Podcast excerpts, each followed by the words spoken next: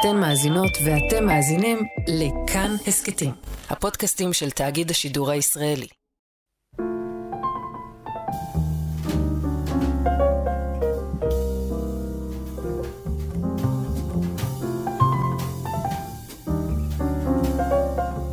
שבת שלום, צהריים טובים. ברוכים באים להתבודדות, אנחנו באולפן אה, עמיחי חסון, ויאיר אסולין. במסענו השבועי בין התרבות לאקטואליה. אני ככה, אתה יודע, בדרך לכאן שומעים את המהדורות חדשות ופתאום כזה צץ איזה אייטם על הקורונה. כן. אחרי שתשומת הלב העולמית, ובוודאי גם הישראלית, אה, הופנתה למקום אחר. וזה נתן לי מחשבות אה, כמעט אה, גורדיאפיות כאלה, על זה שבסוף הקשב לא יכול להתפזר ליותר ממרחב אחד. כלומר, ברור לי שגם אה, מחשבות אה, נגיד אה, של פוטין ושל אחרים מתי לתזמן את המלחמה הזאת עם פונקציה של, של הקורונה. של הקורונה ושל מדד הקשב הלאומי, ואגב יכול להיות גם במונחים הכי בסיסיים של צבא שצריך שלא יהיה בו התפוצצויות של מגפה. אבל גם הקשב שלנו כאנשים, כאילו זה היה האייטם האחרון, הוא לא אמר כמעט כלום, או למרות שבסך הכל אנשים ממשיכים לחלות והמדדים ממשיכים להיות, ולא פיטרו עדיין את כל אחרי הקורונה. אבל כאילו הקשב שלנו לא יכל להכיל יותר מסיפור אחד גדול נגיד אה, בפעם אחת. ואני זוכר את זה גם נורא חזק דווקא בסבב האחרון של הלחימה בעזה, שהיה ככה אה, מירון, כל הסיפור הזה שתפס רגשות, ואז ישר אה, עם אה, שבועות המלחמה, וכאילו משהו בערבוב הזה גם כן היה נורא נורא חד. והשבוע שקראתי איזה טקסטים שדיברו על מירון, אמרתי רגע, זה היה, זה, זה גם לא כל כך מזמן. אבל בגלל שהנושא הגדול כבר נע אל עבר הדבר הבא והספינה הגיעה ליעד הבא שלה, בתודעה של נראה לי של רוב האנשים זה כבר סיפור של לפני כמה שנים כן. למרות שהוא קרה לא מזמן. ממש לא מזמן עוד לא, עוד לא השלמנו שנה.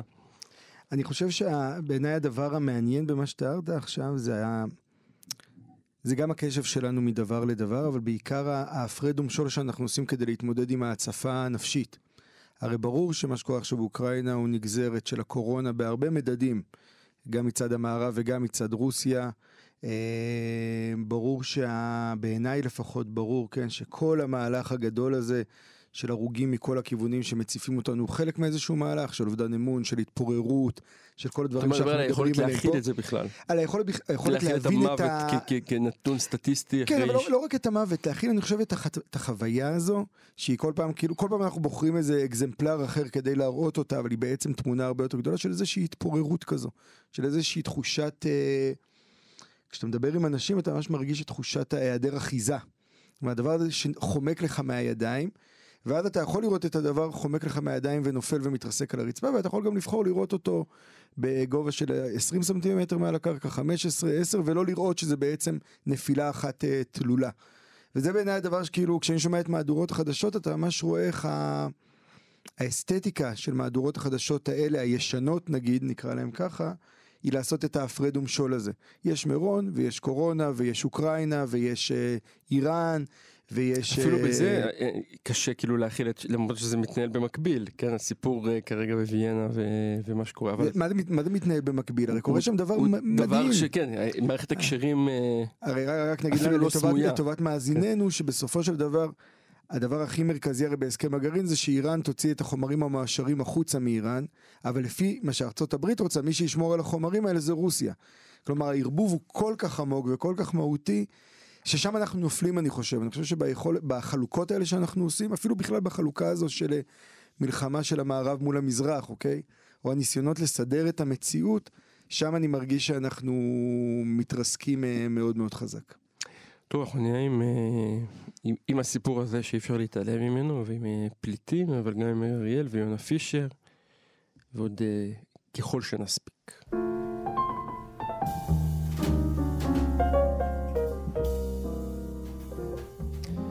המספרים האלה, הגרפים שהיו קודם בכמה אנשים חולי קורונה יש בישראל ובעולם, התחלפו בכמה פליטים, שזה זה, זה דבר נורא.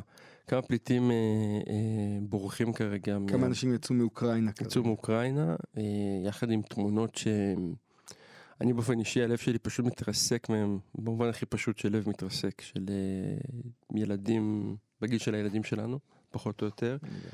אה, עם מזוודה שאתה יכול לדמיין גם את הרגע שבו אמרו להם, אוקיי, יש לכם כך וכך אה, דקות לעזוב פה לפני הפצצה, לקחו את, ה, אה, את הרבע צעצוע ואת המסמכים. ויצאו אל עבר אה, סיפור הלא נודע. שאנחנו באמת, אף אחד לא יודע לאן, לאן הם הולכים. וכמובן שגם אצלנו הסיפור הזה, שבעיניי אה, יש לו את היכולת אה, להתבונן עליו מעבר לחלוקות הקטגוריות הרגילות, הפך להיות דיון פוליטי. מהמם. אתה כן נכנס, אתה לא מכניס, יש ערבויות, אין ערבויות, כן פליטים יהודים, לא פליטים יהודים, אולי בעצם מהגרי עבודה שרוצים להסתנן אל עבר ארץ מערבית ומושכת, כאילו מין דיון שלפחות לי הזכיר כמה אי אפשר בכלל להגיד את המילה הזאת אה, בעברית. כמה המילה פליט אה, טעונה בכל כך הרבה משמעויות כן. אה, היסטוריות קודמות, שאתה רק מתחיל להוציא אותה מהפה. זאת אומרת, זה, אני לא יודע אם יצא לך לראות את הדיונים בכנסת על זה, כאילו את, הם אומרים פליטים ולרגע הם לא בטוחים, אתה לא בטוח אם הם מתכוונים לדרום תל אביב עכשיו, אה, ל-48, לאוקראינים, לפליטים יהודים אחרי מלחמת העולם השנייה, היה איזה רגע שאני לא זוכר כבר אם זה היה קראי או מישהו אחר, הוא, הוא דיבר כמה דקות על אה, בכלל על פליטות של אה, סבתנו וסבותינו מארצות ערב, ורק אז הבנתי שעל זה הוא מדבר כשהוא מתגבר על פליט ולא מדבר על... כן. זה מין איזה אה, מיקס כזה, אה, שבאמת נורא נורא נורא קשה להכיל אותו. והפחד אה, הישראלי הזה של... שאני אני מודה שאני מתקשה כאילו להבין אותו. אני של מתקשה, ה- אני של ה- מתקשה להאמין לו. קשה להאמין לו. אני לא חושב שבאמת קיים שם פחד, בטח לא ב... אתה יודע, אני מרגיש שכאילו נוצר המצב המטורף הזה, שאנחנו גם עליו מדברים כבר הרבה שנים, שבו איילת שקד מגנה על, ה... על העולם היהודי שלי. Okay? שזה דבר שהמוח שלי לא תופס אותו. תראה, אחרי שעירית לינור אה, מגינה על האורתודוקסיה, אז מה, צריך, מה יהודי. צריך יותר מזה? לחלוטין, אבל אני אומר, יש בזה משהו שהוא, אפרופו קצת מה שדיברנו מקודם על ההפרד ומשול, אתה מרגיש שאין פה עניין של פחד או שמירה על היהדות, או דאג, בעיניים דאגה אפילו, אפילו לא דמוגרפית. הסיפור פה הוא באמת הפרד ומשול חזק, לסמן לנו מבפנים, מבחוץ, מי אנחנו עוזרים, למי אנחנו לא עוזרים. יש דבר אחד ששמעתי ראיון עם אה, נתן שרנסקי לפני איזה שבוע וחצי או משהו, אולי קצת יותר, כשהתחיל הסיפור עם אוקראינה, ושאלו אותו, מה, מה דעתך בתור מי שהיה יושב ראש הסוכנות היהודית על הקריאה לאוקראינים לעלות לישראל, אלה שזכאים לחוק השבות. והוא אמר שבעיניו אין דבר יותר נורא מלעשות את זה כרגע, וואלה, כן. למה? כי ה... הטענה היסודית של האנטישמים זה בדיוק הטענה הזאתי. כל עוד טוב אתם איתנו, כשיהיה רע אתם תברחו. ואתכם יוציאו ואותנו ישאירו. כן. וה... ברור אגב גם שהגל של האנטישמיות שיגיע אחרי המלחמה הזו, בפרט עם לא- אה, זלנסקי, אה, כן, כ- אבל אפילו, אפילו, בלעדיו, אני כן. גם לא אומר אגב שזה חס וחלילה יהיה גל אנטישמיות מו- מוצדק, אבל ברור שמדינת ישראל נותנת המון חומר למי שרוצה להשתמש בחומר הזה להפצת אנטישמיות, ויותר מזה זה כאילו. מה שאתה ציינת, הדבר הזה של הפליטי דרום תל אביב וזכות השיבה והפליטים היהודים, ההפרדה הזו היא בדיוק אי המניפולציה. אוקיי? כי אין הפרדה, אין באמת הפרדה ש- שנים. כשאדם בורח, כן, כשאדם מאבד את ביתו ובורח מן המוכר אל עבר הלא נודע, הנסיבות הן אה, מאבדות את תוקפן ב- בסיטואציה הזאת. לגמרי, וכאילו, אתה רואה גם את איילת שקד שהיא הפכה להיות ה- הפנים של המאבק עוד לפני, בפליטים במסתננים, מה שנקרא, כן. נכון? שה... אתה ממש רואה איך, איך זה נב- כלי פוליטי פשוט אכזרי באמת כמו שאמרת על תמונות של הורים עם ילדים ש... שמסתובבים. וההפחדות האלה כאילו אם יגיעו לפה עשרה או חמישה עשר או עשרים אלף לא יהודים כאילו זה ישנה משהו. היהדות שלי בטח, לא צריך את איילת שקד שתגן על היהדות שלי, אבל היהדות שלי דוחה לחלוטין את הקו מחשבה הזה בכלל, כאשר אנחנו הרי חיים במציאות שבה, לא במציאות, אנחנו חיים בתוך יהדות שבה המשיח שלנו אמור להיות בן של גיורת, והרבי עקיבא שלנו הוא בן של גרים, וכל המרחב הזה של החלוקות האלה, של מי זכאי ומי לא זכאי, ומי בפנים ומי בחוץ, היהדות בזה לו כל כך מהיסוד, שזה פשוט כאילו, זה לא אנטי יהודי רק במובן המוסרי, זה אנטי יהודי גם במובן הקונספטואלי של מה זה בכלל יהדות. אני נזכרתי בשיחה שפעם שמעתי את קניוק, את יורם קניוק, שניסה להסביר למה, לאיזה מראיינת אה, קצת עוינת, למה הוא הצטרף לסיפור הזה של אה, תש"ח ושל, אה, אה, במקרה הספציפי שמדברים של עזרה לאוניות כאלה בלתי לגליות שהגיעו בתקופה הבריטית. הוא מספר שהוא שמע נאום של הימלר, שאמר, הוא שמע את זה ברדיו, משפחה גרמנית כידוע, והימלר אמר, אם היהודים כל כך יפים וכל כך מוכשרים, יודעים לנגן בפסנתר כל כך יפה, אז למה הספינות האלה משוטטות כבר חודשים בלב ים ואף אחד לא רוצה לקבל אותן? ואתה יודע, המ- המשפט הזה, אני כאילו, אתה יודע, הוא אמר את זה וממש הבנתי, גם הילד שאני הייתי, למה המשפט הזה גורם לו לפעולה. נכון. כאילו את, ה, את התסכול שמתחבא בתוך הדבר הזה והצורך להוכיח שהמשפט הזה לא נכון. את הכמעט אה, התעקשות והם, אתה יודע, היה בת- בתוך אה, עולמות הטוויטר יש דיון שהוא דיון מעניין, צריך גם להודות וגם צריך להיות אה, ישרים ולהודות שיש בו גם אמת. בכמה העולם המערבי מסוגל להכיל את הפליטים הלבנים, האוקראינים. הרבה יותר מאשר הרבה יותר מאשר הפליטים. האפריקנים שפשוט טובעים בים התיכון. או הסורים אה, או האפגנים אגב שאך אך לפני אה, כן. כמה חודשים ובוא נגיד שהתמונות האלה שדיברנו עליהן שקורעות את הלב אה, לא קראו את, את לב המערב באופן כללי מהמם. כמו שהם קראו כאן. זאת אומרת ברור שגם בתוך הפליטות העניין המעמדי או הגזעי משחק תפקיד מאוד מאוד מהותי אבל הבעיה בטענה הזאת וזה מה שכאילו אולי אה, קצת הבעיר אותי זה שהיא תמיד עובדת כלומר תמיד יש מדרג והיכולת להגיד על משהו שיש אדם אחר שהמצב שלו יותר גרוע ואנשים שבורחים מדארפור מצבם קשה בסדר. הסוגיות שאנחנו מתמודדים כרגע זה מה אנחנו יכולים לעשות בתוך הדלת האמות שלנו ואנחנו יכולים לעשות הרבה יותר ממה שאנחנו מציעים. אני רוצה לקרוא שיר אה, גלות אה, אולי לא צפוי זה מתוך אה, משתה לאדם בודד שדן דאור אה, תרגם וואי אני חושב שלא לא איכשהו בתוך כל היורציידים לא אה, ציינו לא את ציינו אה, את אה, דן דאור. ויש מה לציין בו דמות בהחלט, דמות מרתקת. מרתקת וחד פעמית בתוך הסיפור הישראלי ושל משורר סיני בשם יאנג ליאנג שהוא במקרה שלו הוא פליט של האירועים שקרו בסין בסוף שנות ה-80. מכתב של גולה אתה לא כאן עקבות העט האלה שרק נכתבו ושהסופה גלגלה והעיפה ריקים כמו ציפור מתה שחגה מסביב לפניך. הירח משתקף בלוויית יד אחת שבורה, הופך את ימיך לאחור. הופך את הדף החסר שלך שאתה כותב בו, ובו בזמן יודע להעריך את מה שאתה עצמך השמטת. כמה כל עצמותיו, כמו כל עצמותיו המתפוצצות של מישהו אחר שירה כלאחר יד לפינה, כמו קולם החלול של מים מתחככים במים, שמתחלף כלאחר יד לנשימה, מתחלף לאגס כך שאיש לא נראה. הגלולות על הרצפה הן כולן אתה, מזדקן בלילה בין שורות הסימניות.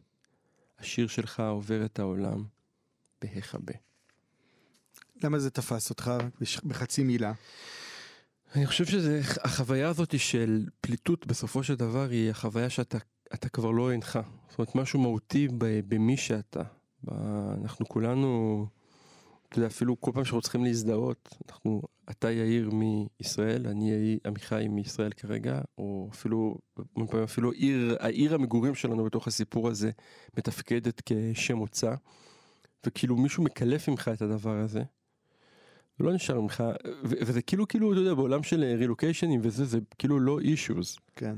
אבל זה אישו, משהו מהותי מהזהות שלך מתמוסס, כמו מים מתחככים במים, ממש, כמו שהוא uh, כותב שם.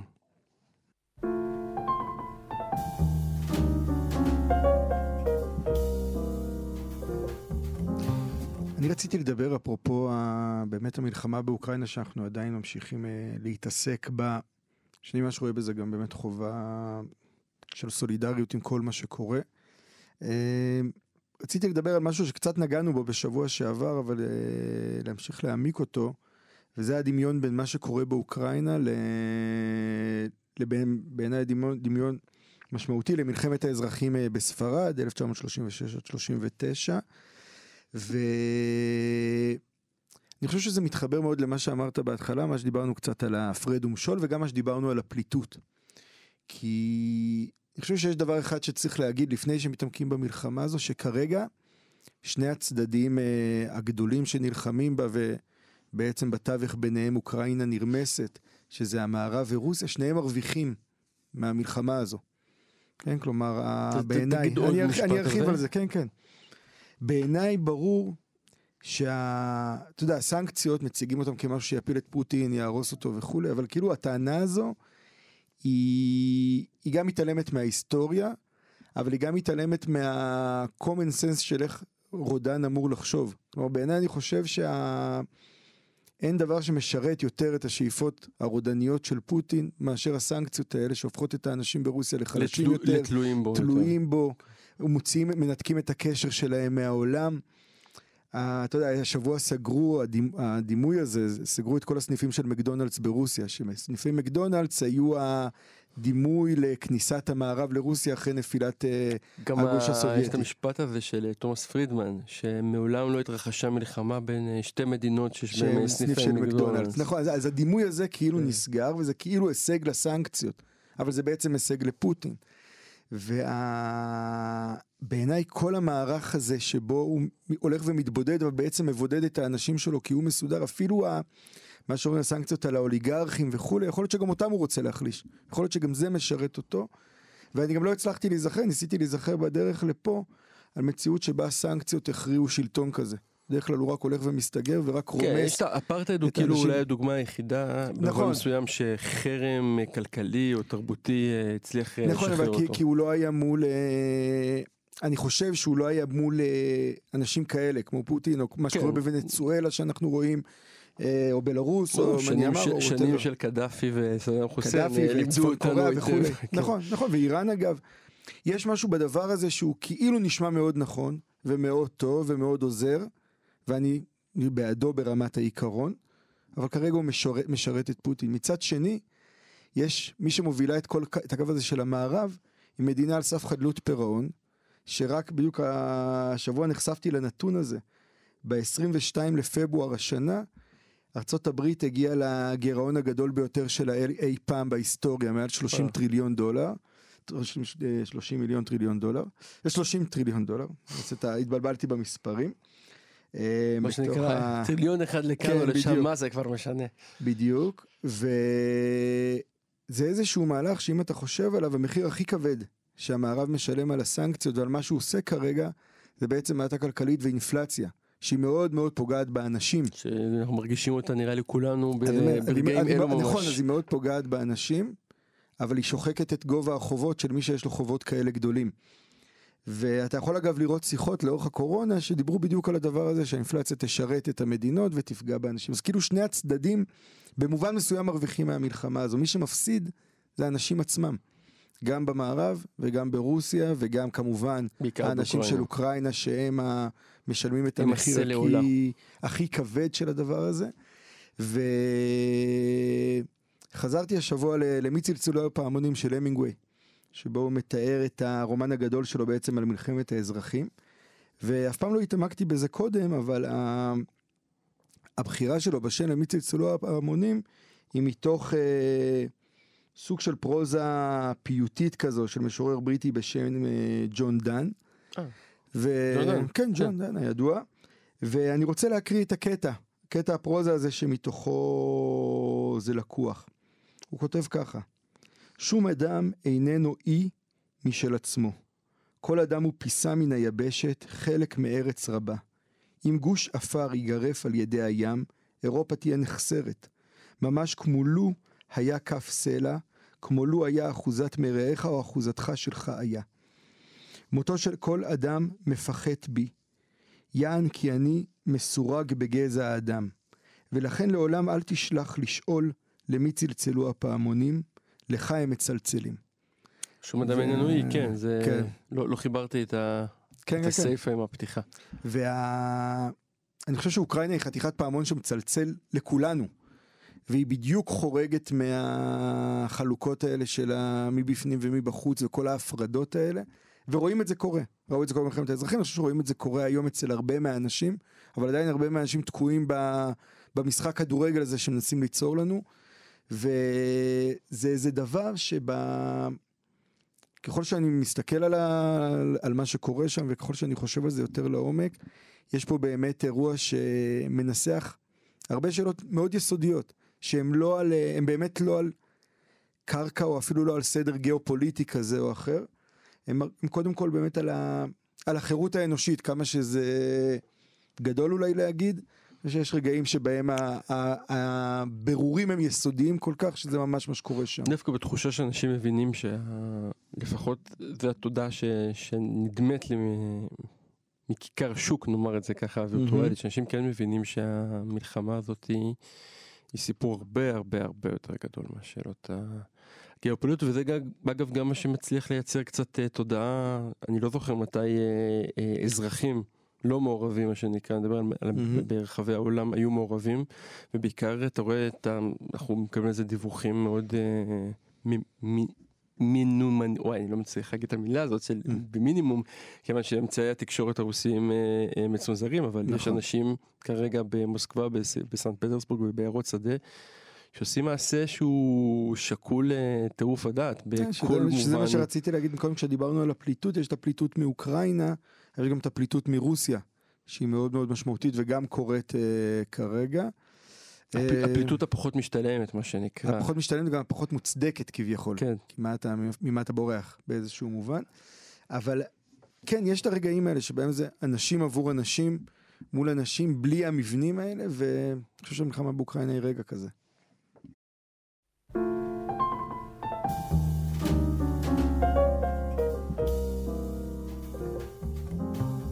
מתעסקים פה המון אה, בתוכנית באנשים שהמדף הקצר והצר של הזיכרון הישראלי לא הצליח להכיל אותם.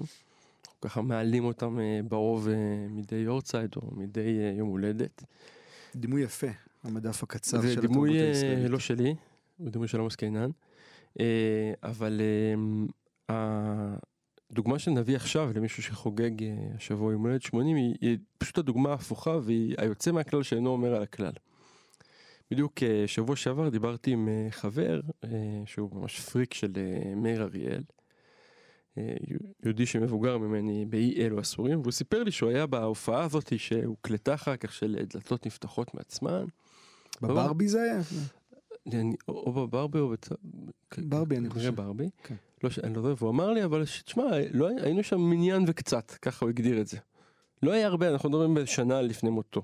כן. בן אדם לא היה ממלא, היה מופע בצוותא, לא היה ממלא את זה. אתה, אגב, כל מי שראה את uh, מופע הבחירות של מאיר אריאל רואה איך זה קורה, הוא מגיע למקום אחר מקום.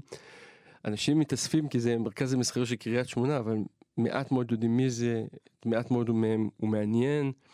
אה, רוב, את רוב חייו, אה, את סוף חייו הוא בילה בשערוריות אה, שכנראה היו חמורות היום הרבה יותר, אלמלא כן. הוא נפטר בזמן, אמירות נגד גייז ואמירות נגד נשים, כאילו אין, אין, אין לדבר סוף, היית מצפה שהאדם, מה זה ישקע בתהומות הנשייה? כאילו יש, יש לו ממש את כל הסיבות ללמה הוא לא יכול להחזיק את הדבר הזה. והאמת היא הפוכה, כלומר אה, מאיר אריאל כיום הוא ממש דוגמה יוצאת דופן. נגיד ככה אין עוד אומן שעשינו כל כך הרבה אירועי אה, זיכרון כל שנה, וגם השנה יש תאריך עגול, בטח נכון? בטח, ו- ורשימת המתנה לא נגמרת, פשוט קוטר מתלונן שפשוט אין מקום להכיל את כל האנשים, אחרת המופע ייקח חמש שעות, כאילו כן. זה, זה אי אפשר. אני יכול להגיד גם אה, בדיי ג'וב שלי אנחנו עושים, אה, היה סדרה שלא אני עשיתי, אה, עשה אותו חמי בן לביא אה, ואסף ליברמן של אה, ממש לימוד אה, טקסטואלי של מאיר אריאל, והיית אומר כמה אנשים כבר יירשמו לדבר הזה, אנחנו מדברים על אלפים. Hmm. כאילו ברמה הזאת, ברמה שכבר אין מקום להכיל את האירועים ואת את האנשים, איזושהי התעסקות בלתי נתפסת. והדבר המעניין עם אריאל, ואני חושב שזה אולי קצת מסוד הפענוח של, ה, אה, של התופעה הזאת ושל ההתפתחות שלה, ואני חושב שאולי גם צריך לשים את זה על השולחן, הוא מסוג האנשים שהיה הרבה יותר קל להכיל אותם אחרי שהם כבר סגרו את, ה, את הבסטה מהבחינה הזאת. מהמם.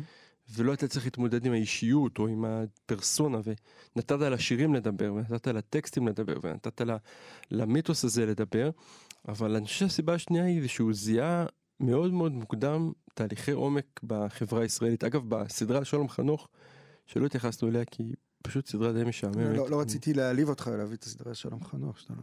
מה? לא תתקומם פה. לא, לא- לא אפילו- לא. אתה כ- כ- נכון, אה, נכון. לא טובה, נכון. אה, אבל יש שם רגע שהוא אומר שהוא לא יודע מה יישאר ממנו מאריק איינשטיין בטווח של 50 שנה, אבל מי שישרוד מאיר אריאל. זה מאיר אריאל. אגב, אה, זה כאילו תמיד אומרים את זה כהנגדה לזה שהוא לא הצליח בחייו. אבל בפועל כנראה זו הסיבה שהוא לא הצליח בחייו. בחייו. כלומר, היה משהו ב... תמיד הזכרנו פה כמה פעמים את ה... יש את הדבר הזה שאני חושב שמופיע בביוגרפיה שכתב על, הניס... על, ניסים קלדרון. שבה הוא אומר שהרפרנס פוינט שלו, או הנקודת התייחסות של מאיר אריאל, בינינו לבין עצמו, הייתה שלמה ארצי. אני חושב שזה בעצם התחרות. שם זה, וזה בדיעבד, שוב, למפרע, זה לא כל כך רחוק נכון, מזה. אני אומר, אז כאילו בזמן אמת, זה נראה הדבר הכי רחוק בעולם, שלמה ארצי ומאיר אריאל. בעומק, אתה כמעט יכול לחשוב על מאיר אריאל הרי כ... כתמונת העומק של שלמה ארצי, אוקיי? הם כמעט כאילו אחד מעל השני ברמות נכון. או במשלבים שונים. בניסיון הזה לנסח איזושהי ישראליות שאתה רואה היום את המהלכים של שלמה ארצי בעשורים האחרונים מנסים להגיע למקומות שמאיר אריאל מזהה בשנות ה-90. ואני אגיד אותם אפילו בצורה הכי פשוטה, זה מהלך אישי שלו כמובן אל עבר העולם היהודי, אבל זה גם זיהוי בעיניי של זרם עומק שעוד לא מתפוצץ שם, שנות, שנות ה-80, שנות ה-90 זה ימי התהילה של, אה, של הפוך ופלורנטין, כאילו כן. מבחינת הטלוויזיה הישראלית. ובא בן אדם שמתעקש, ולא בצורה אה, מזויפת, אלא בצורה באמת אמיתית, להכניס את המנגנונים הטקסטואליים של מה שמכונה ארון הספרים היהודי כחלק מהיצירה שלו, וגם בלי, בלי לנפנף בזה. לא, זה היה כאילו זה- הכי, הכי טבעי כן. בעולם. אתה ממש רואה את ה... הרי אה, הוא כל כך רלוונטי בכל- כך הרבה מישורים, אבל אחד הדברים שהוא הבין מאוד מאוד מהר, זה שהוא, עבודה שלו פתוח לכולם. כלומר, הוא תמיד חושף אותך בתהליכי העבודה, אפילו בהופעה הזאת שבה הוא שר את אה, זה, צדק צדק תרדוף, וזה כן. כזה עוד אה, קרוע, והוא כל הזמן חושף אותך, והוא גם לא...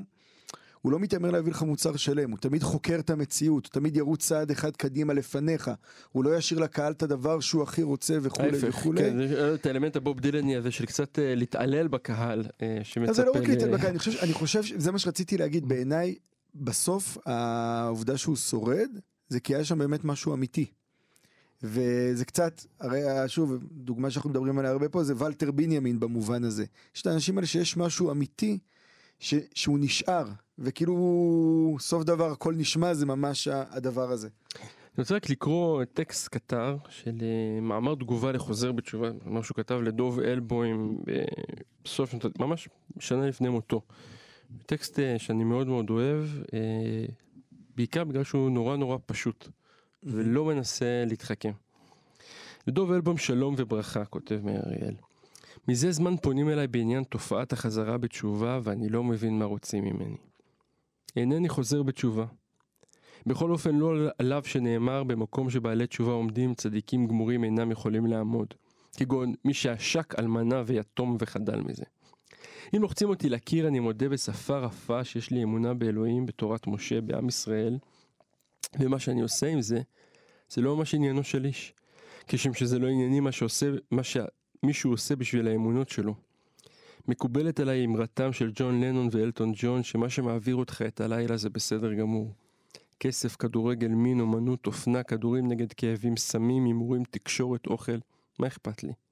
מה שמסדר לך את הראש מקובל עליי. למעשה כל מה שאתה מאמין ועושה זה דת. כל מה שנותן לך כיוון, קנה מידה, ביטחון עצמי, טעם, זה אמונה. כל אדם מאמין. אי אפשר לאדם בלי אמונה כלשהי ואי אפשר לאמונה שלו בלי צורה הגוף.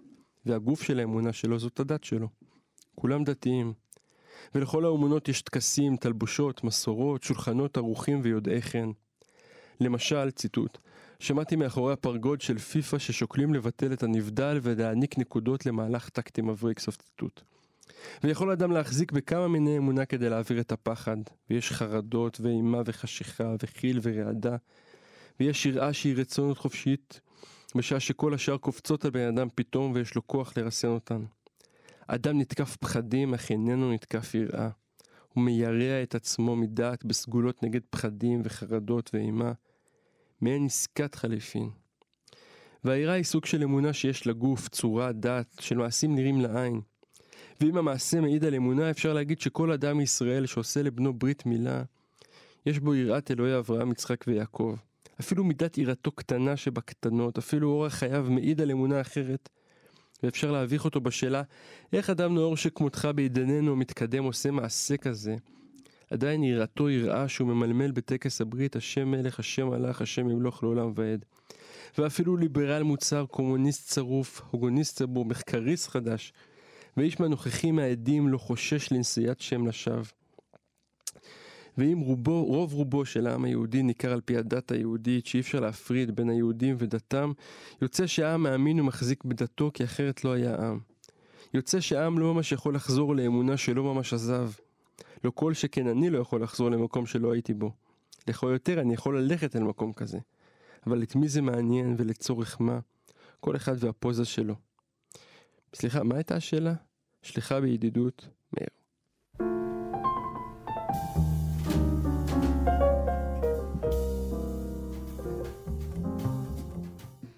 אה, בשבוע שעבר אה, הלך לעולמו יונה פישר, שהוא מחשובי אה, מאבות המזון של האומנות הישראלית. מאבות המזון של האומנות הישראלית, בדיוק.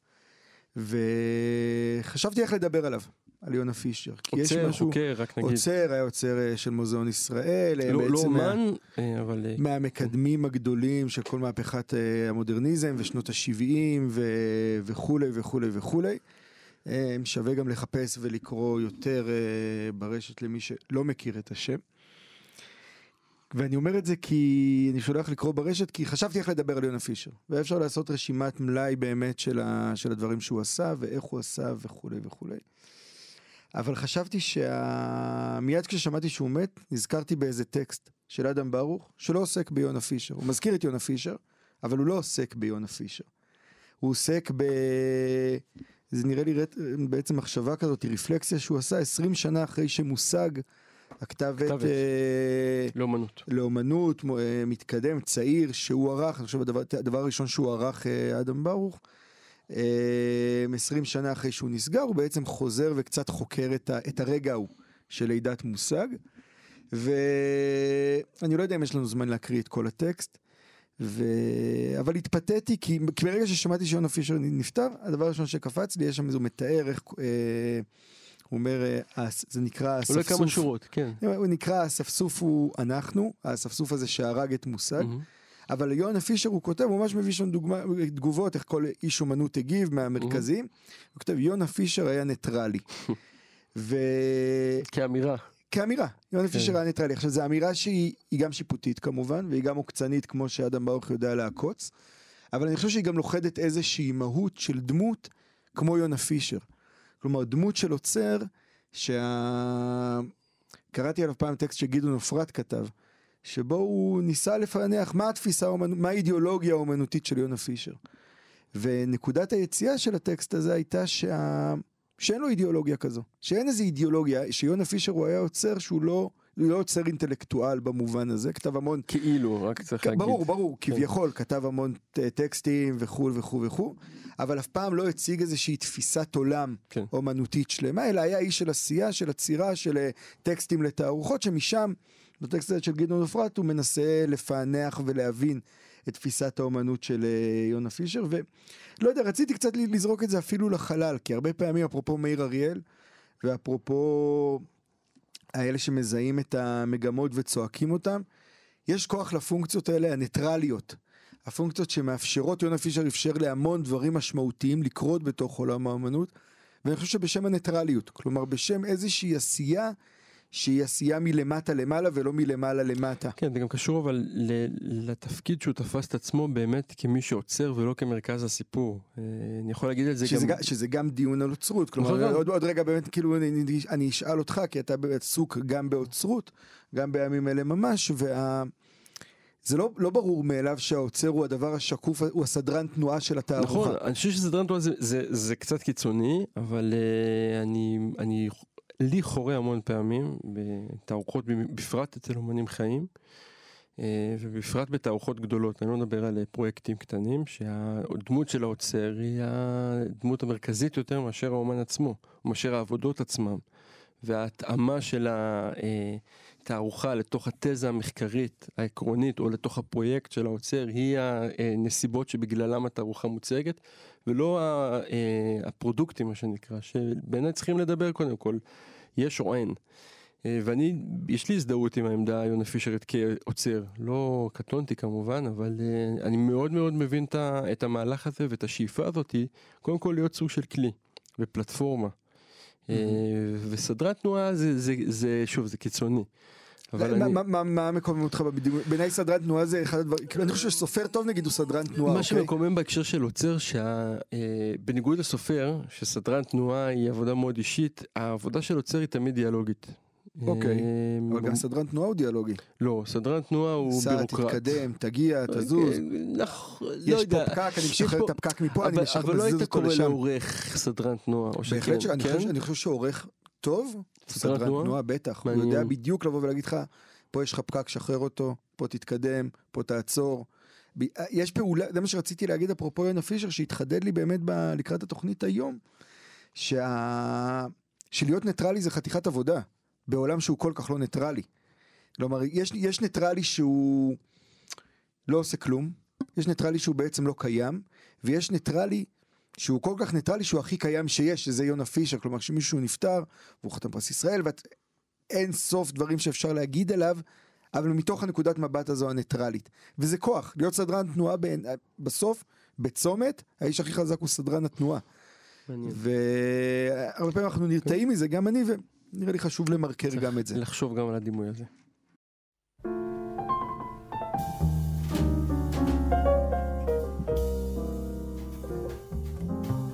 תודה רבה שהאזנתם לנו, אנחנו זמינים בכל הפלטפורמות אה, באשר הם שאפשר, וגם אנחנו שמים לב. שהדירוגים עולים, אז זה בכלל משמח אותנו יותר ממה בהחלט. שנדמה לכם. רק נגיד שאנחנו גם מתחילים אה, חומש חדש השבוע, חומש ויקרא. אה, חומש הקורבנות שעוד אה, ניגע בו וניגע בפורים, ב- נשקע לפורים שבוע שבוע הבא, לא שכחנו. ותודה לנדב אלפרין שערך והפיק מרחוק, ותודה לכם שהאזנתם. בשורות טובות.